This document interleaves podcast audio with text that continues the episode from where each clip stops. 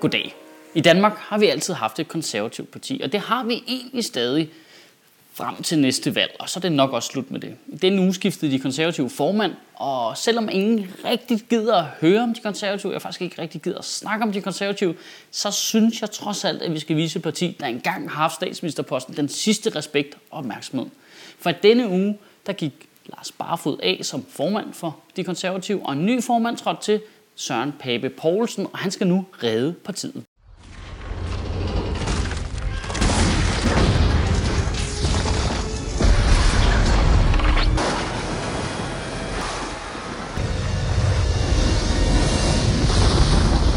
Ja, og held og lykke med det så.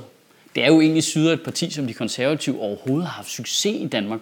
Konservatisme går ud på at bevare og undgå fornyelse, og i Danmark er vi enormt frisindede og klar på ændringer hele tiden. Jeg ved godt, man ikke tænker sådan over os i hverdagen. Hvis du zoomer lidt ud, og så ser os på verdensplan, så må vi jo være de mindst konservative mennesker nogensinde. Vi frigav pornoen, vi er rimelig chillede indstillet omkring hassal på Christiania.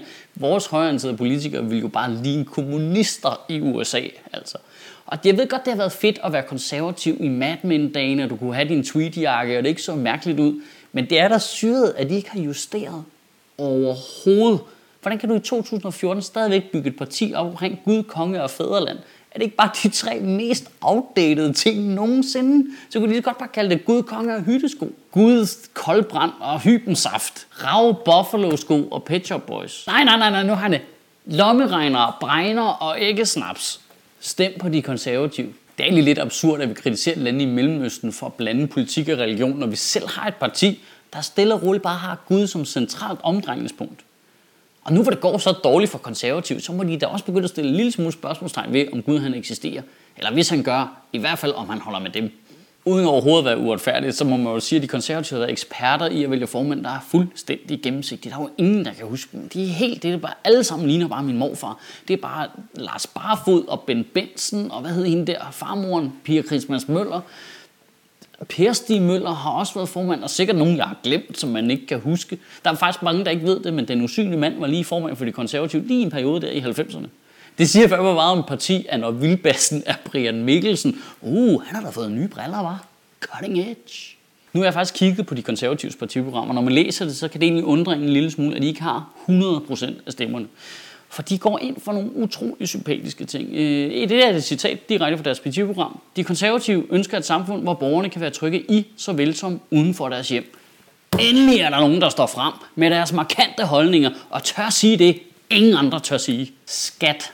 Det er deres mærkesag. Det ved alle. Hold da op. Den kan de ikke lide. Topskatten, den skal væk. De klamrer sig til deres had til skat, som en tyk dreng klamrer sig til den sidste pomfrit. De går faktisk så meget op i, at skatten bliver sænket, at det OECD lavede en undersøgelse, der viste, at skattetrykket i Danmark faktisk ikke er højere end i for eksempel Tyskland. Så gik Charlotte Dyrmose, det ved jeg godt, det er hende, I aldrig har hørt om, der har briller, ud og sagde, nej, nej, men du skal tænke på, at det følelsesmæssige skattetryk i Danmark er ret højt. Okay, det er genialt.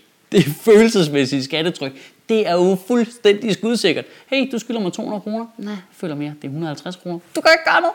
Charlotte Dyrmos sagde faktisk, at hvis folk havde det indtryk, at de betalte meget skat, så var de faktisk i deres gode ret til det. Øh, nej. Øh, man er simpelthen ikke i sin gode ret til at tro noget, der er forkert. Jeg er også helt vild med den der argumentation med, nej, men hvis folk de synes, de betaler for meget skat, så skal de lov til det. Øh, kan det eventuelt have noget at gøre med, at I siger det hele tiden? Ja, det var så det. Til de konservative derude, der vil jeg bare gerne sige, at hvis ikke I får løst den grundlæggende konflikt, der ligger i, at konservatisme går ud på at bevare status quo, og at alle folk stemmer for at få forandring, så er I færdige. Så er det slut med det konservative. Al politik handler om forandring. Det er det, det hele går ud på. Hele verden ændrer sig hele tiden.